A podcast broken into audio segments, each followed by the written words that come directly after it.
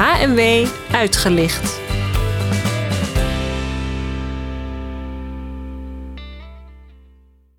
Hallo beste luisteraar.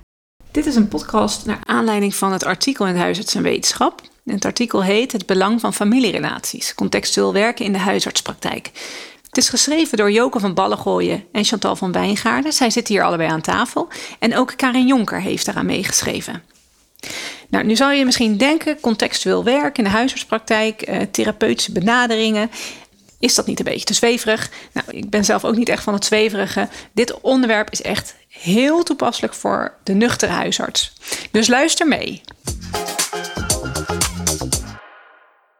Ik ben hier thuis bij Joke van Ballengooien.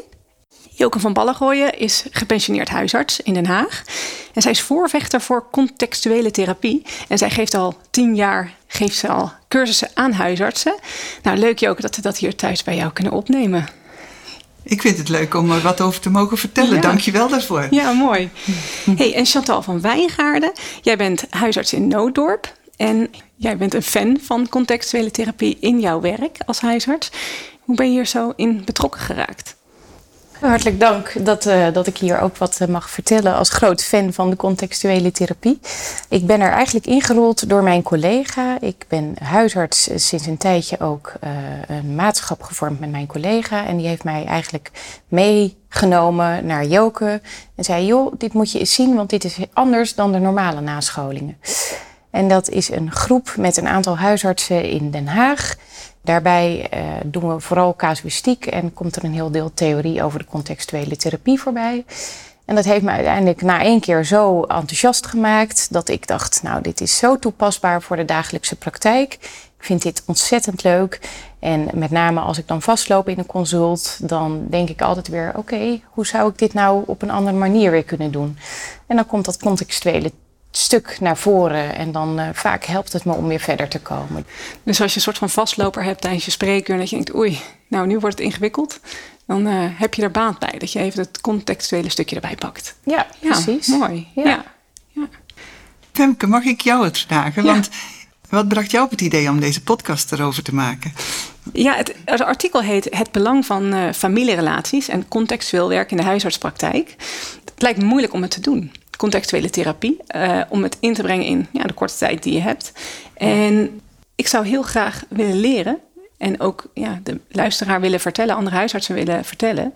Hoe, hoe kan je dat aanpakken? In zo'n kort consult eh, met hele lastige, ja, iedereen kent ze wel, lastige casuïstiek. En waar komt die spanning vandaan, et cetera? Ja, ik ben heel benieuwd eh, hoe jullie dat in de verschillende casus gaan uitleggen. Dus eh, bedankt dat we dit konden doen. Ja, Dus we gaan het hebben over contextueel werken. Een systeemtherapeutische benadering. En ja, wat is het en hoe doe je dat vervolgens als huisarts? We zullen beginnen met een verhelderende casus. Dat ga jij zo meteen vertellen, Joke. En daarna gaan we in op het begrip contextueel werken. Vervolgens eindigen we met wat verder inzoomen hoe het onszelf als huisarts in de huisartspraktijk zou kunnen helpen. Deze podcast zal verder ingaan op één casus om een beeld te krijgen van contextuele therapie. Maar ja, de casuïstiek is talrijk en eh, het is informatief om daar toch meer over te horen hoe je met verschillende casus omgaat. Dus hebben we ervoor gekozen om een deel 2 contextuele therapie te maken, waarin we nog drie casus zullen bespreken. We gaan van start. Joke, laten we beginnen met een casus. het, gaat om, om een patiënte van mij die met een chronische moeheidsklacht weer op het spreken kwam. Voor de zoveelste keer. We kennen het ook allemaal. Ja. Moe, eh, bloedonderzoek, verwijzing naar, naar een specialist, weer terug. En de klachten blijven. Tja, en dan zit je, wat, wat, wat zal ik doen? Nou, ik, eh, ik heb haar voorgesteld, laten we eens een keer een, een afspraak maken en wat verder praten, om het wat beter te begrijpen. En dat gesprek dat volgde. Ik vroeg haar, wil je iets vertellen over hoe je bent opgegroeid? En wat er is gebeurd in je leven? Eigenlijk meteen vertelde ze dat ze op de negentiende ongewenst zwanger was geraakt. En dat ze haar kind heeft moeten afstaan tegen haar wil. En dat ze dat kind nooit meer heeft gezien. Een ongelooflijk verdriet in haar leven. Ook nu nog. Ze is getrouwd, ze heeft vier kinderen gekregen. En ze heeft het haar echtgenoot zelfs nooit kunnen vertellen. Pas recent zat het er zo hoog, zei ze, dat ze het er toch met haar oudste dochter over heeft gepraat. En dat heeft een klein beetje opluchting gegeven. Als je dan zo'n gesprek voert, dan zie je dat het een kostbaar gesprek is. Voor de patiënt als ook voor mij als dokter. Opeens begrijp je dan de somatiek, de moeheid van deze patiënt, de last die ze te dragen heeft. En kun je samen bespreken van welke stappen ze, ze kan gaan zetten. want de invloed van dit hele gebeuren op het leven is levensgroot. En dan, uh, dan kunnen we plannen maken. En dat is zoveel waardevoller, denk ik, dan uh, en maar weer lab en maar weer een verwijzing. Of... Voor allebei, hè? Voor, hm. voor de patiënt en voor de dokter. Dat je erover kunt praten, dat je weet wat er speelt. En dat je ook niet meer ja, genoodzaakt bent om eindeloos te verwijzen, eindeloos te onderzoeken. Maar dat je kunt kijken van, ja, en nu? He, want jij draagt die last alleen, maar dat, dat is niet te dragen. Met wie kun je eens erover gaan praten? Ja. Ja, op wie ben je boos misschien? Want ja, je moest je kind afstaan. hoe kijk je naar je ouders? Verwijt je dat hun? Of, begrijp, je, begrijp je hun? Die gesprekken, die moet je voeren. En niet alleen in de spreekkamer, maar bijvoorbeeld met haar echtgenoot. Want dat is belangrijk. En eigenlijk is dit als dokter de eerste stap in de contextuele benadering. Het oprecht aandacht geven aan de levensloop van de patiënt. Hè. En kijken naar de familie, kijken naar het gezin waar ze uitkomen. En dan kijken van hoe verder. Wie kan jou helpen? En hoe kun je nou als, als dokter daarin steunen ook? Ja, mooi. Ja. Nou, nou, klinkt dit als een ja, bijna een soort van uitzonderlijke casus. Hè? Heel veel verdriet door één gebeurtenis. Maar met al die ervaring die jij er zelf in hebt, heb je het idee dat ja, eh, er zitten heel vaak dingen onder die veel verdriet opleveren. Ja, je, je hoort het pas als je ernaar vraagt. Hè? Ja. Kruijf die heeft ook zoiets gezegd. Je ziet iets pas als je het weet. ja, en dat is ook zo. Als je gaat vragen, en daar kun je dus een, een systematiek voor ontwikkelen van Hè, om, om de patiënt te, te, bevragen, zowel bij kennismaking, we zullen er straks op, op verder gaan, als ook bij moeilijke situaties. Hè, de stap zetten naar niet alleen kijken naar, naar de klachten. En, natuurlijk moet je de hele somatiek aanpakken en, en het vertrouwen op die manier uh, krijgen. Maar daarnaast, ja, kijk eens naar die levensloop. Ja. Contextueel werken. We gaan er even inhoudelijk eerst op in. Wat is het precies, contextueel werken? Het is een, een manier van werken waarbij je de patiënt in zijn totale context zet en vooral aandacht hebt uh, voor de familiecontext en de rol die dat speelt. En eigenlijk gaat het om, om een visie die ontwikkeld is door Notch, dat is een Hongaars-Amerikaanse psychiater, die deze benadering eigenlijk ontwikkeld heeft vanaf de jaren 70 van de vorige eeuw.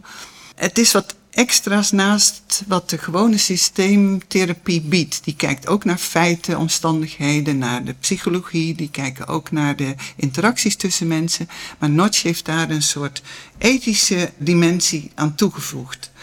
Hoe, ja, wat betekenen relaties voor mensen? Iedere mens heeft behoefte aan relaties. Het is eigenlijk een levensnoodzaak om relaties te hebben. En familierelaties, en zeker de ouder-kindrelatie, die ziet hij als de meest basale betekenis voor mensen.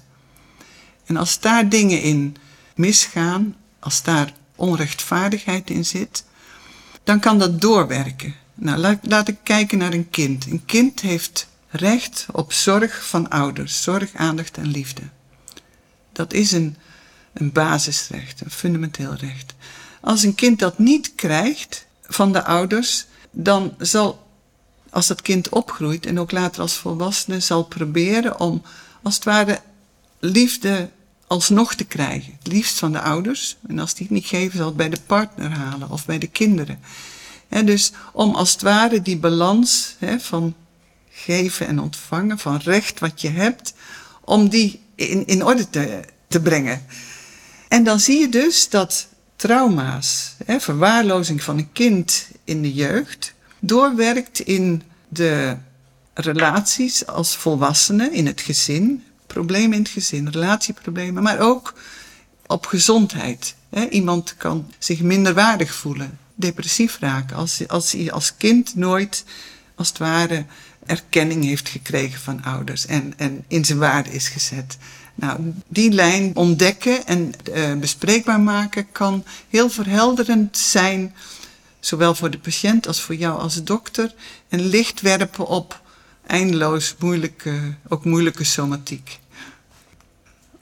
En dan zul je zeggen van wat, ja, wat kun je dan verder? Want deze theorie is een manier van kijken, maar het is ook een methode om daarmee aan de slag te gaan. En om te kijken hoe je dan mensen daar verder in kunt helpen. Want als je als kind tekort gekomen bent, geeft dat vaak verdriet of boosheid of woede naar ouders toe. En zeker als je niet begrijpt waarom in vredesnaam die ouders dat gedaan hebben. Hm. Waarom hebben jouw ouder, die ouders jou afgestaan? Waarom hebben die ouders jou geslagen? En als je dan gaat vragen van, hè, eerst benoemen dat dat erg is. Hè, dat je daaronder lijdt en dat het begrijpelijk is. Maar dan vragen, en wat weet je van jouw ouders? Want het is niet normaal dat ouders een kind verwaarlozen, mishandelen, afstaan. Nee, ieder ouder wil eigenlijk een goede ouder zijn. Maar veel ouders zijn, ja, hebben onvermogen. Weet je hoe jouw ouders zijn opgegroeid? Heb je een idee waarom ze niet konden geven hè, wat ze eigenlijk hadden moeten geven? Dus het is een zoeken naar, ja, naar begrijpen en daarmee een zoeken naar iets milder maken. Hm. Dus dit is de filosofie achter het ja, eh, contextueel werken. met al een stukje methodiek. Hè? Want de methodiek is hè, kijken naar meerdere generaties. Hm. je, als je alleen naar die patiënt kijkt, kom je er niet uit. Hm. Dan blijf je in het verwijten naar die ouders of hè, de boosheid en daarin meegaan. En daar raak je heel erg gauw in verstrikt als patiënt en ook als dokter. En wat is dan het vervolg van de methodiek? Nou, die verkenning als eerste van de, mhm. de meer generaties. Dus je maakt een stamboom, een genogram, hè, die relationeel is. Want dan zie je ook of er hè, breuken zijn in de familie die ertoe doen. Of ja. uh, overmatige uh, moeten helpen, over, bovenmatige verantwoordelijkheid naar ouders. Hè. En ook de verdeling van lasten. En daar ga je dan naar kijken, want je gaat zoeken naar hulpbronnen. Ik wil heel eerst even terug naar het genogram. In het artikel heb je ook een mooi plaatje gemaakt van een genogram. Hoe dus eigenlijk de relaties in zo'n familie, uh, goede relaties, slechte relaties, die spreekt niet meer met die, weet ik wat. Nou klinkt zo'n genogram eigenlijk meer als, ja, dat is best wel weer een tijdsinvestering. Dat zou je bijna kunnen zeggen, een soort van secundaire of uh, specialistische tweede vorm lijns, van uh, tweede lijns contextueel werken. Dus dat kan. Maar ik zou me ook kunnen voorstellen dat dat, ja, dat ook zonder kan. Ja, het kan, het kan zonder, maar het, het is heel makkelijk. Als je, als je met de patiënt in gesprek gaat en je pakt een papier erbij en je tekent gelijk. Nou, jij bent uh, de, dit. De hoeveelste ben jij in, in je gezin? Uh, of heb je broers of zusters? Nou, dan, dan teken je even de ouders en dan teken je daaronder de broers en zusters. Uh, je ouders, zijn ze nog in leven? Is er contact? Nou, dat teken je gelijk al, hè, de, streep. En dan kun je dwarse strepen doorheen zetten als er een verbroken contact is. Hè, het is gelijk inzichtelijk. Je ziet ook gelijk, de, de patiënt, ben je de oudste, de jongste? ja, en dan kun je ook gelijk vragen van, uh, wat voor invloed had dat? Hè? Moest jij veel zorgen voor je broers en zussen, omdat je de oudste bent? Of uh, ja. al dat soort dingen. En je kunt ze er gelijk bij zetten. Het, en dan kun je gelijk, gelijk vragen. En dan van jouw ouders, en dat teken je er dan gelijk bij. Eh, hoe zijn die opgegroeid? Nou, dan blijkt dat, je, dat die moeder uit een gezin van, van wel tien kinderen komt. Nou, wat betekende dat? En de vader, ja, die, heeft, die is erg mishandeld door zijn vader. Oh, ja, nou, dat zal wel invloed hebben op hem. Het staat, in een nutshell staat het in beeld. En je hoeft niet alles compleet te maken. Je kunt er ook later nog eens op, op teruggrijpen. Of de patiënt vragen van, als hij dingen niet weet, want soms weet ze niet. Ja, ik weet niet hoe mijn, hoe mijn moeder is opgegroeid. Nou, wie weet dat wel? Nou, nou, maar misschien een, een tante waar ik altijd wel goed contact mee had. Oké, zou je eens met die tante kunnen gaan praten? Kun je dat eens gaan vragen? Nou, het is geweldig wat dat soort dingen oplevert. dus dat is een soort completering van dat genogram, van die relationele stamboom die ze dan gaan maken. En wat ze dan te weten komen over ja, ouders, Ja? gezinnen daarvan. Oké, eerste ja. lijnsgeneeskunde dus. Ja, ja, absoluut. Ja, en het hoeft ook niet zo heel veel tijd te kosten. Ehm, ik heb wel eens iemand gehad waarbij ik een aantal keer dacht, die kwam voor zijn bloeddruk, maar met tranen in zijn ogen, continu eigenlijk. En toen dacht ik, hè, dat klopt niet. Hè. Je, je raakt niet zo in paniek van alleen een hoge bloeddruk. Dus toen ook eens na de derde keer gezegd, goh, zullen we eens een keertje wat verder praten? En dan plan ik expres een, hè, een kwartier eh, op het einde van de dag, zodat ik ook even de ruimte heb. En als je dan gaat tekenen en je ziet hè, met de patiënt samen wat er gebeurt. Ehm, dus dit was ook iemand waarbij uiteindelijk eh, er geen contact was. Dat, dat kwam uit dat gesprek naar voren met, met een, een vader die alcoholist was. En dat die patiënt uiteindelijk na het tekenen heb ik het gewoon even gelaten. En gezegd, nou, goh, hè, is nogal een heftig verhaal. Ik kan me voorstellen dat dat nu even heel erg omhoog zit. En een maand later zei hij, ik heb weer contact gehad. En uiteindelijk hebben we ook mijn zus erbij betrokken. En uiteindelijk kwam dat dus op gang. Terwijl ik als dokter niks hoefde te doen. Dus je hoeft niet altijd heel veel tijd erin te stoppen. Maar soms kan alleen een tipje van de sluier al Ja. genoeg zijn om de patiënt op gang te helpen. Ja. En dat is denk ik het mooie van dit. Als je net even iets dieper gaat dan alleen de klacht, dan kom je soms toch een tandje verder dan dat je dat normaal gesproken komt. Dus jij mocht met Typex aan de slag eh, in alle strepen van het eh, genogram. Uiteindelijk weer- werden de verbanden weer hersteld. ja. Oké, nou ik onderbrak je op het moment dat je begon over hulpbronnen. Hulpbronnen. Ja. Ja. We moeten niet als dokter eh, de dingen allemaal eh, zelf voor ons rekening nemen. Maar het is juist kijken met, met de patiënt van... Ja, jij doet zoveel. Maar jij hebt nu hulp nodig. Bijvoorbeeld als iemand eh, ja, eh, met een burn-out bij je komt. Hè. De balans van geven en ontvangen is dan vaak Ja. heel erg, erg verstoord. Ja. En dan zie je vaak dat iemand weinig geleerd heeft om hulp te ontvangen. Nou, dat kun je dus ook zien door te vragen naar hoe was dat in het gezin waar je uitkomt. Kon je elkaar helpen? Mocht je elkaar helpen?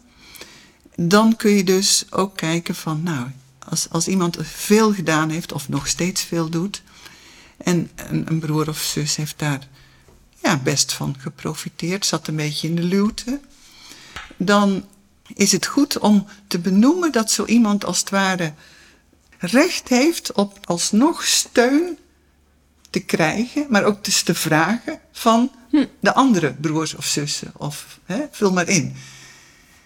Het is ook goed om dan te benoemen, want die mensen vinden het vaak moeilijk om die hulp te vragen, maar te benoemen dat het ook voor anderen goed is om te mogen geven. Het is best ingewikkeld, lijkt me. Voor, ook voor een patiënt om dit te begrijpen, maar ook zelf echt toe te gaan passen en echt te voelen van ik heb recht op hulp. Ja, maar mijn gezin, zo werkt dat niet. Mijn broer, die doet dat niet. Ik doe het gewoon allemaal. Ja, ja. Maar het is, het is vaak voor mensen heel steunend als je ziet al, alleen al wat zij gedaan hebben. En dat dat eigenlijk betekent dat, het niet, dat zij dat recht hebben. En dat het dus eigenlijk niet helemaal in balans is. Ja. Mensen herkennen dat. Ja, ja, toch wel. Ja. Ja, Dus alleen al inzichtelijk dat het, eh, dat het op dit moment uit balans is. Ja, De manier ja. van helpen. het wordt en- herkend. Ja. Dat, dat ervaar ik. Eh. Zijn er eh, casussen waarbij het gewoon eigenlijk niet echt aanslaat? een belangrijk iets wat wij ook zeggen is van... Ik kijk heel erg van waar de patiënt aan toe is. Is het, is het op de tijd van de patiënt? Is, het is niet omdat jij ziet dat er iets nodig is als dokter. Maar hè, er moet een behoefte zijn, een noodzaak. Vaak bijvoorbeeld als er grote dingen in het leven van een patiënt gebe- gebeuren, bij live events. Hè, dan kunnen mensen erg uit balans raken. Dan is de patiënt ook toegankelijker ja, je moet faceren. Je- Maar het is soms heel belangrijk om te weten, om meer te weten van de patiënt. En daarvoor Ja. kun je ook dat kennismakingsgesprek al Ja. heel goed, goed gebruiken. Want dat is eigenlijk een, een, een omschreven vorm waarbij je, nou iedereen voert wel kennismakingsgesprekken met een nieuwe patiënt. En wij voegen er dan een, een soort extra iets aan toe, dat we vragen naar de, naar de relaties van je ouders, eh, leven ze nog? Zijn ze gezond? Is er contact? Broers en zusters, heb je die? Leven ze nog? Is er contact? Nou, met name die contactvraag, die geeft dan nog heel veel info. He, die vraagt ook naar kinderen en zo, natuurlijk, of stiefkinderen of een relatie. Maar, maar die contactvraag, die is, die is vaak cruciaal. Dan kun je bijvoorbeeld, om, om, om iets te noemen, een patiënt die kwam eens bij mij van, die, eh, als nieuwe patiënt, die wilde een verwijzing naar een psycholoog. Nou, we gingen eventjes dat kennismakingsgesprek uitvoeren en het bleek dat ze opgegroeid was met bij de moeder en dat op de tweede haar vader al vertrokken was. En dat ze zei, ja, daar heb ik geen last van hoor, ik mis hem niet. Ja. Oké, ja. Hè? Ehm, fijn. Maar het is wel iets wat een, een, deel is van jouw leven, dat jouw vader niet aanwezig is. En uh, ja, eigenlijk ieder mens zou het liefst toch twee ouders hebben. Hè? Dat kunnen we vaststellen. En natuurlijk kun je met één ouder leven, maar ergens zit er toch ook een lijntje naar die niet aanwezige vader. Dus mocht het zo zijn dat het aan de, aan de orde is, ja, kun je er altijd op ingaan. Bijvoorbeeld als zo iemand moeder wordt. En uh, de partner heeft wel twee ouders en zij niet. Ja, dan wordt zoiets actueel. En dat weet je dan als huisarts. Dat, Dan is het, wordt de pijn gevoeld van ja, eigenlijk wil je jouw kind ook jouw vader hè, geven, het liefst. Nou, dat kan problemen geven. Of in ieder geval belangrijk is om daar oog voor te hebben dan. Dus als ik het zo begrijp, uh, contextuele therapie, dat is uh, een mooi moment daarvoor, is het kennismakingsgesprek, hè? Om, uh, om te zien waar iemand vandaan komt. En een andere manier is, ja, op het moment dat je dus tegen problemen aanloopt, dat er bepaalde somatische klachten zijn die je niet kan verklaren. Een, een solk, een angst, depressie. Ja, ja zeker. Ja. Ja, ja.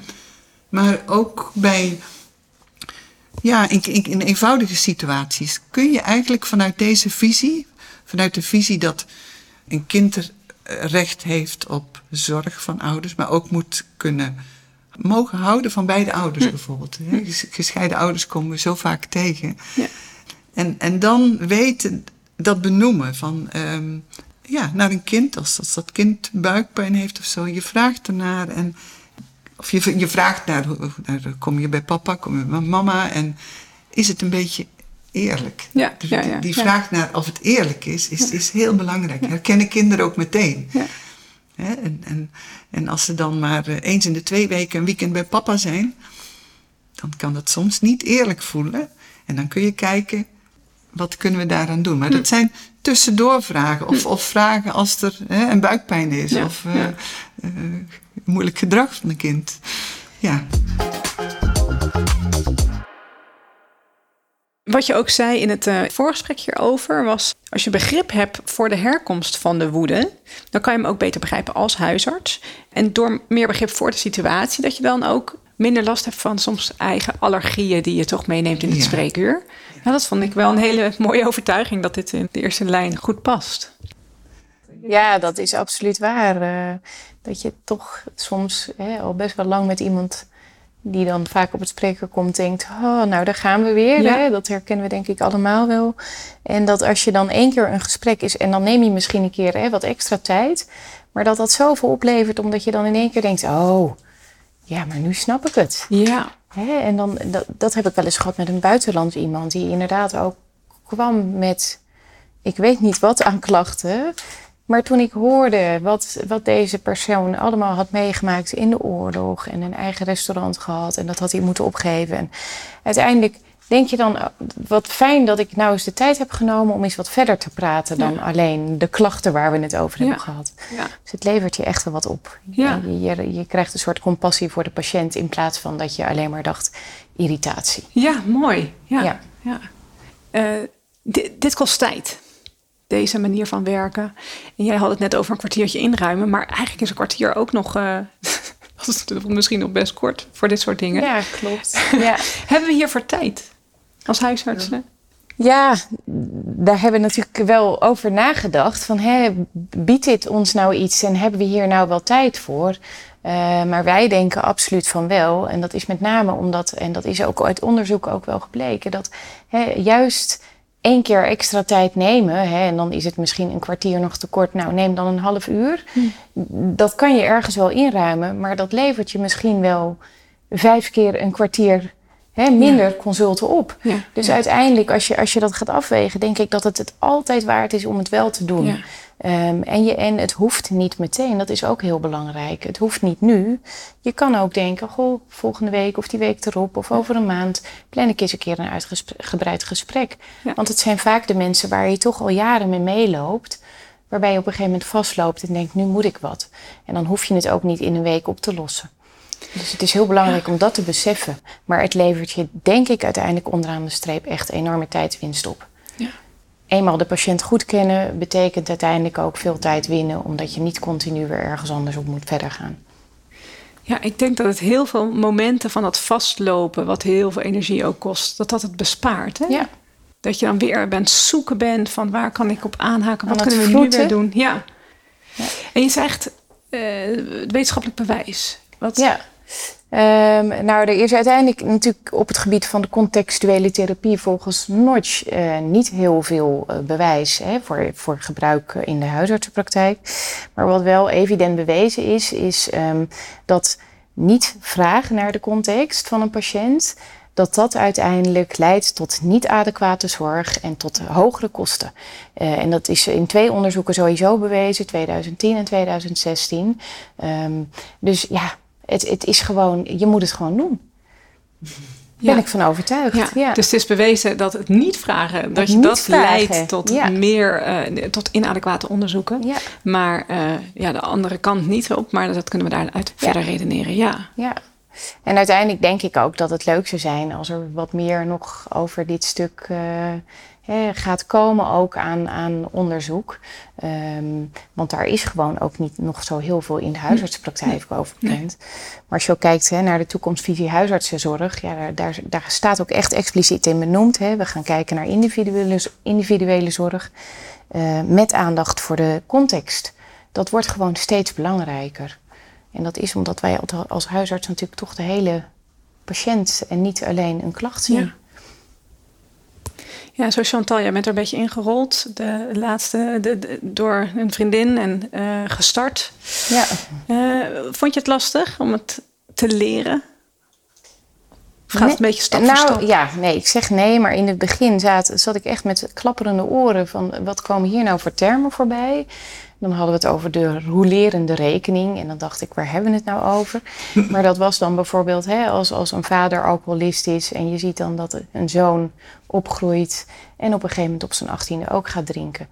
En dan weet je als huisarts, hé, hey, dit is een rolerende rekening. Dit moeten we proberen te stoppen en niet, niet ik, ja. hè, maar uiteindelijk samen met de patiënt.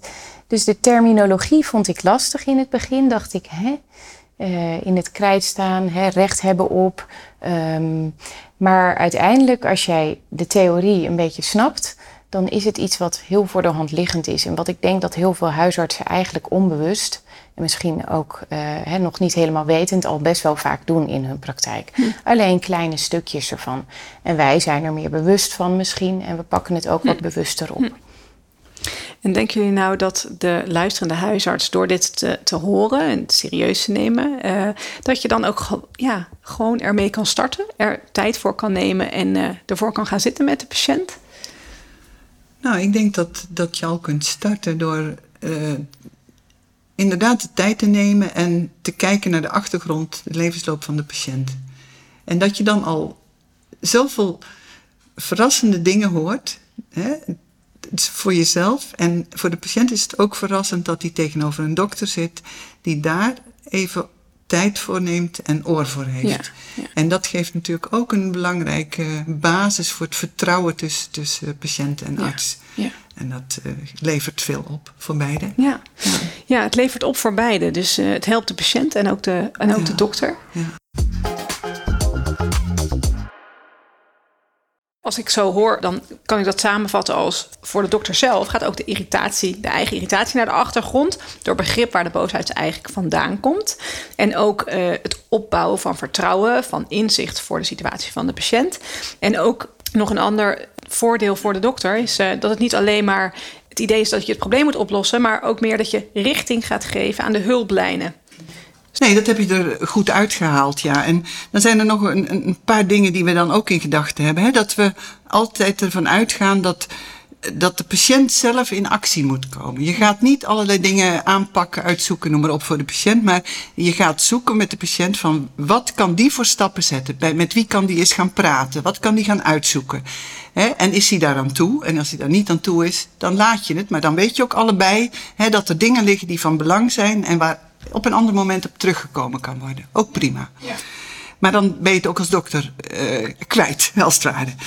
En dan nog, nog iets wat eigenlijk ook eh, een belangrijk iets is voor, um, voor de dokter, dokter ook, dat je een soort een grondhouding hebt waarbij je, zoals we noemen, meerzijdig partijdig bent. Dat je niet alleen kijkt naar je patiënt en het belang van jouw patiënt die voor je zit, maar dat je dat eigenlijk de belangen van alle betrokkenen ertoe doen.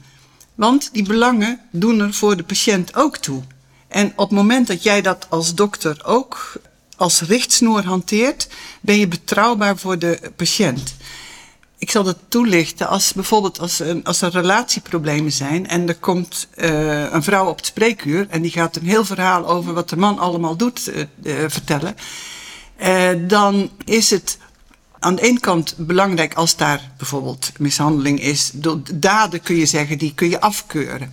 Maar dan is het belangrijk om ook de positie van die man in dat gesprek aan de orde te stellen en te vragen: maar heb je enig idee waarom die doet wat hij doet? Hè? Weet, wat weet je van wat hij, zelf, hoe, wat hij meegekregen heeft van zijn ouders aan, aan geweld of niet? Hè, ik noem maar iets. Maar bedoel, ga daarnaar kijken. Kijk dus op die manier naar, ook naar de positie van die man. Zodat als je dan later die man op je spreker krijgt, dat je ook weer met een open, hm. open met die man kunt praten. Het, het houdt je vrij en betrouwbaar voor alle betrokkenen. Ja, dus blijf neutraal. Ja, geen, uh, veroordeel niet, hè, hè, kies niet en, en maak duidelijk dat je er voor allemaal, dat je de belangen van iedereen dient. Dat. En uh, daarbij gebruik je dus ook een verbindend taalgebruik. Dus, dus niet veroordelend, maar verbindend. En dat is, uh, ja, dat, dat kun je in allerlei woorden vatten. Van, ja, door, door vragen te stellen van begrijp je dat dan? Of waarom heeft hij het gedaan? Of uh, ja, wie, bij wie kun je terecht? Ja, verbinden kun je op heel veel manieren. Ja. Dat zal ik niet uitwerken nu. Oké. Volgens mij was dit uh, het concept contextueel werken. Contextuele therapie. Ja, in, ja. Uh, in Dan, grote lijnen. Ja. ja. in grote lijnen. Ja. Um, nou, ik denk dat het goed is om naar de praktijk te gaan. Om naar een casus te kijken. Eerst over de casus te horen. En dan kijken hoe, ja, hoe vlieg je dat dan aan in de contextuele therapie. Ja. Ik kan er natuurlijk veel noemen. Ik zal er eentje pakken. Um, nou, het betreft een vrouw van rond de 30 die op het spreken kwam nadat ze weer drie dagen hevige migraine had. En zei van, ja, ik, ik ben het helemaal zat. Ik wil het niet meer. Doe er wat aan, dokter. Oké, okay. ligt dus op, de bord, op het bordje van de dokter. Oké, okay, nou. Dan maar een verkennend gesprek. Met aandacht voor de familie. Ja, komt de migraine bij jou in de familie voor? Nou, dat bleek al duidelijk. De moeder die heeft ook altijd migraine gehad. Zij heeft altijd heel veel eh, gezorgd voor haar moeder. Dat vertelt ze als kind. Ze heeft nog een broer. Die kon heel goed leren en die uh, werd altijd uh, ja, die werd vrijgesteld. En ja, waarom had, was er nou zoveel zorg nodig, nodig voor jouw moeder, vroeg ik haar toen. Want ja, eigenlijk heb jij best wel als kind recht op veel zorg van jouw moeder. Dus hoe zit dat? Nou ja, toen vertelde ze dat, uh, dat het gezin waar, waar haar moeder uitkomt, want dat wist, dat wist ze wel, dat de moeder de, een soort hulpje in de huishouding in dat gezin is geweest altijd. Dat die voor iedereen heeft moeten klaarstaan. En dat de broer van haar moeder, dat die zelfs professor is geworden. Nou, de ouders die hebben altijd gepronkt met die broer en niet met, met haar moeder. Nou, dat heeft best doorgewerkt. Die moeder heeft zich altijd de mindere dus gevoeld. En uh, mijn patiënten en haar moeder hebben een, een hechte band, vertelt ze. Ja. Ze zijn allebei ook wel geneigd om, uh, ja, veel te geven. Eigenlijk zegt ze, ja, als ik dan migraine heb, ja, dan kan ik even niet. Ja, dus het is een soort escape, lijkt het wel. En daar zijn we het allebei over eens. En dan gaan we kijken van ja, hoe kun je daar nou, hoe kan het nou een beetje veranderen? Hoe kan als het ware dat die, last, die, die zorg om jullie moeder eerlijker verdeeld worden? Want je hebt ook een broer. Zou je met hem eens erover kunnen praten? Wat jou, ja, dat jij last hebt en dat het best veel is voor jou. Nou, ze vindt het eigenlijk wel een goed idee. En we besluiten dus dat ze dat eens gaat doen. Dat ze hulp gaat vragen aan haar broer. Om de zorgen over, over hun moeder uh, ja, samen te delen. Nou, en dat spreken we af dat ze dan uh, over een paar weken terugkomt. En eventueel samen met haar broer ook nog eens een stamboom tekent. Om meer inzicht in hun hele familie te krijgen. Nou, dat is dan leuk. Dan komt ze terug na een paar weken. En dan, ja, het ging goed. Ze heeft geen hoofdpijn meer gehad. Maar ze heeft vooral een heel goed gesprek gehad. Eerst met haar broer, die eigenlijk best bereid bleek om, om haar te helpen. Tot haar grote verbazing. En dat ze daarna samen met hun moeder gepraat hebben. En dat daar ja, ook nog wel hele grote familiekwesties aan de orde zijn geweest. Dat haar moeder ook ja, best ja, het fijn vond om daarover te vertellen toen zij ernaar gingen vragen. Dus iets in de balans tussen geven en ontvangen in deze familie kon daarmee verbeterd worden. Ja, beetje rechtgezet. Ja, en, en we hebben, nadat dit gebeurd is, hebben we ook verder geen nieuwe afspraak hoeven te maken. Maar ze komen weer een stukje verder. Ja, ja. Ja, dat is leuk. Heel mooi. Ja. ja. ja. Dus zo iemand die zie je dan regelmatig, waarbij je eigenlijk weinig uh, van hulp kan zijn, behalve bepaalde medicamenteuze aanpassingen en uh, uh, kun de bloeddruk controleren. Ja. En dan zo'n verkennend gesprek zet dit eigenlijk in gang. Ja, ja. ja. Mooi. Ja. He, dus, dus die balans van geven en ontvangen. Mensen die zichzelf overvragen. En wat een systeem blijkt in families. Hm. Dat, dat patroon zie je zo vaak ook bij burn-out. En, en, en daarna kijken. En dan kijken van, ja, waar zit... Hoe kun je die balans gaan veranderen? Want het is allemaal gericht op verbetering, op herstel. Ja, ja. ja dit is een mooie casus om dit beter te begrijpen. Maar ik denk dat er, er zijn natuurlijk tal van dingen en dat het elke keer toch een beetje een ander soort aanvliegroute uh, nodig is. Ja. En daar willen we ook hier los van nog even een aantal casus beschrijven. In een andere podcast, deel 2 zullen we die noemen. uh, maar dan zit je daar met het hele verhaal op je uitgetekend, genogrammen. Uh, dit is je hulpbron, dat niet. en dan? Dat is de kern voor een huisarts om te weten hoe je dat vervolgens gaat aanvliegen. Ja, hè? moet jij dat allemaal op je schouders nemen als dokter? Want dat voel je dan, hè? Dat voel je dan wel, denk ik, ja. ja. Ja. ja, want de patiënt die kijkt je toch een beetje verwachtingsvol aan. Van nou, dokter, dit staat op papier. En wat nu? Nee, ja, je sluit aan bij wat, wat het, grootst, het grootste probleem is. Wat de meest actuele nood is van de patiënt. En je gaat kijken, maar, maar wie in je, met wie kun je dit gaan delen? Dat is eigenlijk toch het eerste. Hè? Wie in jouw omgeving kan of mag jou helpen? En je moet niet de moeilijkste weg kiezen, zeg ik ook altijd tegen patiënten. Maar wie is het dichtstbij? Is dat een zus? Is dat een, een, een oma? Is dat een, een, een tante? Kun je daar iets eens mee gaan praten? Kun je iets vertellen over wat, hè, wat, wat voor jou lastig is of wat je zou willen weten? Of, dus kleine stapjes, de meest eenvoudige stapjes zetten. En ervan uitgaan dat iets wat, dat ze, dat, ook dat zeg ik vaak, dat in, in een leven lang of meerdere generaties is ontstaan, kunnen we echt niet in een paar weken uh, rechtzetten. En dat hoeft ook helemaal niet. Maar het is, het is wel fijn als we stappen in een goede richting kunnen zetten. En dat we een beetje uitzicht zoeken samen. Eigenlijk een beetje een soort buddy systeem binnen de familie. Ja, Wie kan jou hierbij helpen? Ja, ja, ja. ja, ja. En het inzicht alleen al, is dat ook al gewoon een stap? Inzicht in de familiegeschiedenis, in, in de verhoudingen in het, in het gezin en, en wat dat betekent voor ieder individu. individu. Hmm. Dat is heel belangrijk om ja, niet boos te worden op die, die, die broer die altijd zijn, uh, zijn hielen ligt als er iets gedaan moet worden.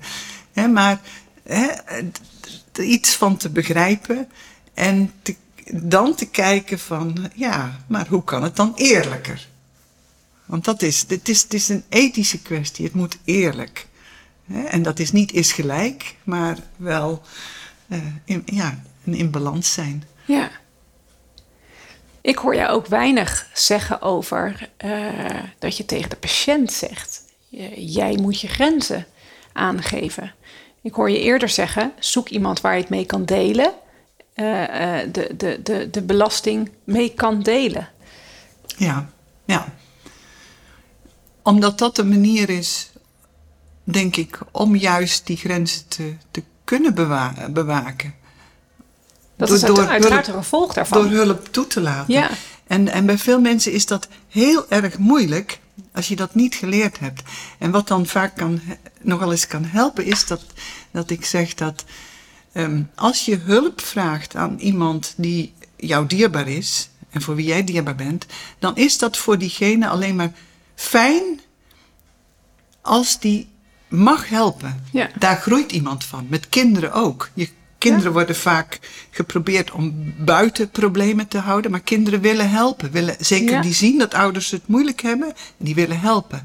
Nou, een kind dat mag helpen, dat groeit.